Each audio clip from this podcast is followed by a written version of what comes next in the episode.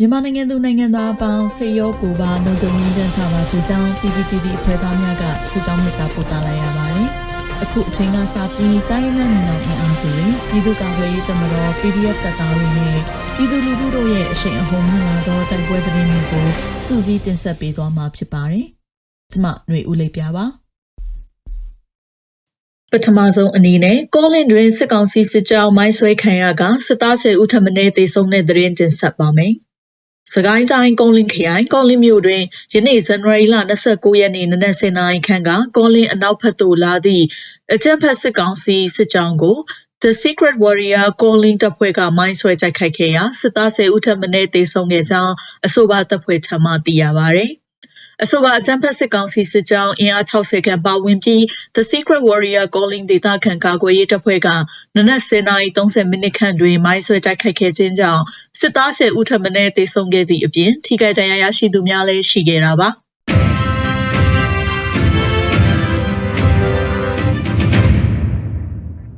ပခုတ်ကူမြို့ပေါ်တွင်ကင်းလှည့်နေသောစစ်ကောင်စီစစ်ကြောင်းညပိုင်းမိုင်းဆွဲတိုက်ခိုက်ခဲ့ရပြီးစစ်သား2ဦးသေဆုံးတဲ့တွင်ဆက်လက်တင်ဆက်မှာပါ။ မကွေးတိုင်းပခုတ်ကူမြို့ပေါ်တွင်ကင်းလှည့်နေသောစစ်ကောင်စီစစ်ကြောင်းကိုဇန်နဝါရီလ28ရက်ည10:00နာရီကျော်အချိန်တွင် PKU Ranger အဖွဲ့က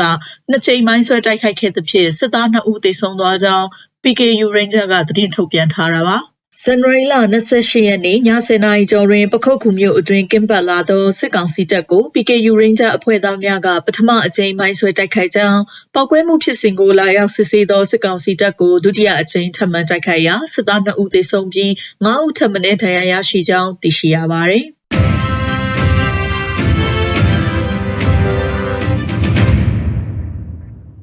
ဆက်လက်ပြီးပလဲမြို့နယ်ဇီးဖြူရွာတွင် အခြေချထားသောပြူစောတိတင်တန်းနှင့်စစ်ကောင်စီတပ်များကိုမဟာမိတ်ပူးပေါင်းအဖွဲ့ဝင်တိုက်တဲ့သတင်းတင်ဆက်မှာပါ။ဇန်နဝါရီလ28ရက်နေ့ည8:00နာရီအချိန်စကိုင်းတိုင်းပလဲမြို့နယ်စီဖြူရွာတွင် အခြေချထားသောပြူစောတိတင်တန်းနှင့်စစ်ကောင်စီတပ်များကိုပြည်သူ့တော်လှန်ရေးတပ်မတော် PRA ပလဲပကဖ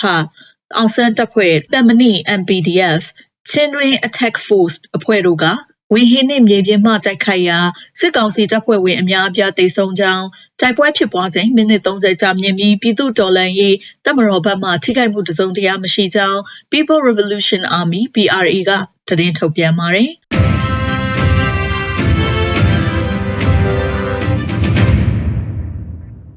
ဖဲခုံတွင်စစ်ကောင်စီစခန်းကိုဖဲခုံ PDF ဝင်တိုက်ခါစစ်သား10ဦးထပ်မံတေဆုံးပြီးစစ်ကောင်စီကတိုက်လေရင်ဖြင့်ပစ်ခတ်တဲ့တရင်ဆက်လက်တင်ဆက်ပါမယ်။ရှမ်းကရင်နီအဆက်ဖဲခုံမြို့နယ်ကုန်းစုံရွာအနီးရှိအကြမ်းဖက်စစ်ကောင်စီကင်းစခန်းတစ်ခုကိုဖေကုံ PDF ကယနေ့ဇန်နဝါရီလ29ရက်နနက်6နာရီခွဲတွင်ဝင်ရောက်တိုက်ခိုက်ခဲ့ပြီးစစ်သား10ဦးထပ်မံတေဆုံးကြောင်းဖေကုံ PDF ကသတင်းထုတ်ပြန်ပါတယ်။ တိုက်ပွဲသည်ပြင်းထန်ခဲ့ပြီးနနက်6:20မိနစ်မှ9:10မိနစ်အထိဖြစ်ပွားခဲ့ကြောင်းဖေကုံ PDF တပ်သား2ဦးဒဏ်ရာရရှိခဲ့ကြောင်းနဲ့နနက်8:50မိနစ်တွင်အကြံဖက်စစ်ကောင်စီကလေကြောင်းမှတဆင့်ချက်တိုက်လေရင်ဖြင့်ပစ်ခတ်တိုက်ခိုက်ခဲ့ကြောင်းသိရှိရပါသည်အကြံဖက်စစ်ကောင်စီကကင်းနီပြည်နယ်အတွင်းသို့အင်အားလုံးရင်ဖြစ်စစ်ကူများဝင်ရောက်လာနေပြီးစီဆိုင်လွိုက်ကော်အလန်းအတိုင်းစစ်ကားအစီအရေး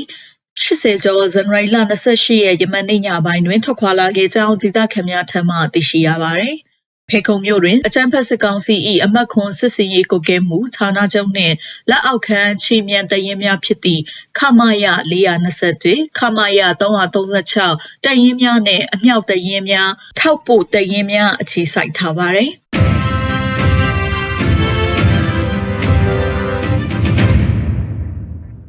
နောက်ဆုံးအနေနဲ့အမျိုးသားညီညွတ်ရေးအစိုးရပြည်ထရေးနဲ့လူဝင်မှုကြီးကြပ်ရေးဝန်ကြီးဌာနက2022ခုဇန်နဝါရီလ29ရက်ရက်စွဲနဲ့ထုတ်ပြန်တဲ့ပြည်သူ့ခုခံတော်လှန်စစ်တရင်ချက်လက်တွေကိုတင်ဆက်ပေးသွားမှာပါ။အာနာသိန်းအကြံဖက်စစ်အုပ်စု၏ပြည်သူလူထုအပေါ်အကြံဖက်ဖိနှိပ်ဖန်ဆီးတိုက်ခိုက်တပ်ဖြတ်နေမှုများကိုပြည်သူလူထုတရလုံးကအသက်ရှင်သန်ရေးအတွက်မိမိကိုယ်ကိုမိမိခုခံကာကွယ်ပိုင်ခွင့်အရာပြည်သူ့ခန့်စစ် People's Defensive War ကိုဆင်နွှဲလျက်ရှိပါတယ်။တရင်ချက်လက်များအရာ